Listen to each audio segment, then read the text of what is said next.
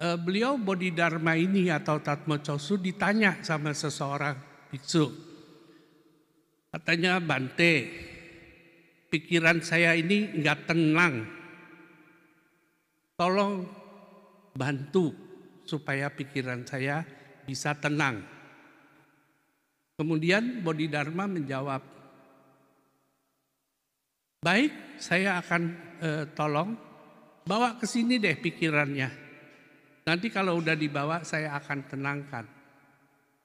Orang itu bilang, ya gimana saya bisa bawa pikiran saya ke sini? Saya tidak bisa menemukan pikiran saya terus saya bawa. Dan Bodhidharma tersenyum dan berkata,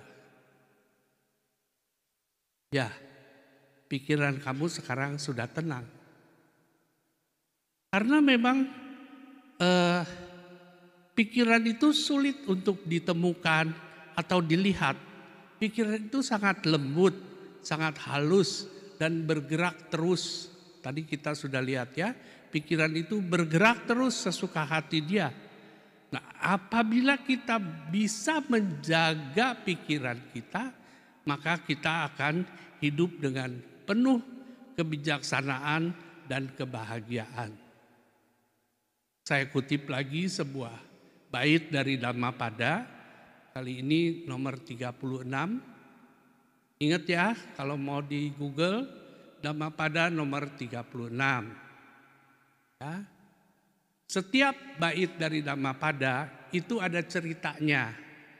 Jadi kalau mau kalau ceritanya yang sekarang dirasa kurang banyak, Google deh. Ceritanya apa? Sampai muncul Dhammapada bait ke-36. Di dalam Dhammapada bait ke-36, Buddha mengatakan pikiran itu sangat sulit untuk dilihat, amat lembut dan halus. Makanya tidak heran kalau kita latihan meditasi, terutama meditasi wipasana bawana, ya meditasi pandangan terang, segala sesuatu yang kita lakukan itu kita sadari. Dan untuk menyadarinya tidaklah mudah kalau kita terburu-buru karena pikiran ini sangat halus dan tenang. Karena itu kalau wipasana segala sesuatu yang dilakukan itu dilakukan dengan slow motion. Dengan gerak lambat supaya kita bisa lebih menyadari karena dia sangat lembut, sangat halus, maka kita perlu perhatikan dengan sungguh-sungguh kesadarannya ini harus eh, ekstra ya, kesadarannya ekstra istimewa. Jadi gerakannya lambat sekali. Kalau mau bergerak kakinya baru diangkat, kakinya sedang melangkah, kakinya sedang diturunkan, kakinya menyentuh tanah, kakinya menginjak tanah kaki yang satu lagi mulai diangkat dan begitu seterusnya. Begitu juga dengan makan, makan tidak bisa terburu-buru tapi makan dengan penuh kesadaran, pelan-pelan tangannya mengumpulkan sendoknya, mengumpulkan makanan, sendoknya mulai diangkat, sendoknya diangkat mendekati mulut, mulutnya dibuka, makanannya masuk ke mulut Semuanya disadari pelan-pelan pelan-pelan. Barulah kita bisa kemudian melihat kelembutan pikiran ini. Ya. Nah, di dalam Dhammapada 36 itu Buddha mengatakan orang bijaksana selalu menjaga pikirannya. Karena seseorang yang menjaga pikirannya akan berbahagia. Seringkali di dalam kehidupan ini kita melakukan segala sesuatu dengan terburu-buru. Scrolling terus, scroll, scroll, scroll, scroll. Satu jam scrolling tuh.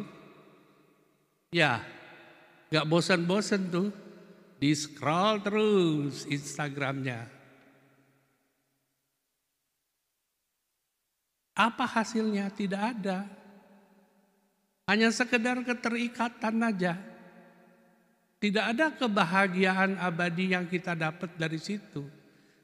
Kebahagiaan abadi yang akan kita dapatkan adalah justru dengan memperlambat segala sesuatu sehingga kita bisa mempertajam kesadaran kita dari saat ke saat, menjaga pikiran kita dari saat ke saat.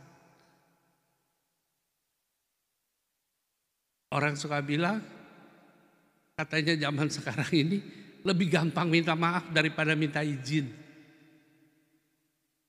Ya, karena apa? Karena ketepur terus. Omongnya belum dipikir, sudah ngomong. Nah akibatnya apa? Sorry, sorry, sorry, aku salah ngomong. Sorry, sorry, sorry, sorry. Aku tadi ngomong gak kepikiran dulu. Apa yang harus kita lakukan adalah pikir dulu. Ini ada di dalam nama pada. Saudara-saudara sekalian, kalau kita mengaku umat Buddha, apa yang harus kita lakukan? Pertama adalah tadi yang kita baca berulang-ulang. Aku berlindung kepada Buddha. Apa maksudnya? Maksudnya adalah bahwa kita ini meneladani Buddha mematuhi ajaran-ajarannya, mengikuti ajaran-ajarannya. Aku berlindung kepada Dharma. Aku berlindung kepada Sangga. Kalau kemudian ajarannya, Dharma yang sudah diajarkan itu tidak kita jalankan dalam kehidupan sehari-hari, ya apa namanya kita bilang kita ini umat Buddha ya kita harus menjalankan dan dari situ kita akan mendapatkan manfaat. Oh ternyata benar ya kita jadi umat Buddha ini eh, lebih berbahagia. Kehidupan kita menjadi lebih nyaman, tidak terlalu pusing, tidak terlalu banyak masalah. Ada manfaat yang akan kita rasakan. Kalau selama ini Anda tidak merasakan manfaat itu, cek ulang. Berarti ada sesuatu yang salah. Anda harus memperbaiki cara Anda e, e, beragama. Jadi agama Buddha itu bukan hanya untuk kumpul-kumpul di wihara seminggu sekali, terus ngobrol-ngobrol, terus pulang, kemudian dilupakan. Agama Buddha itu harus diingat hari Senin, Selasa, Rabu, Kamis, Jumat, Sabtu, siang, malam, pagi, sore harus diingat terus baru kita bisa mendapatkan manfaat pelajaran dari agama Buddha yang dipraktekkan dalam kehidupan sehari-hari.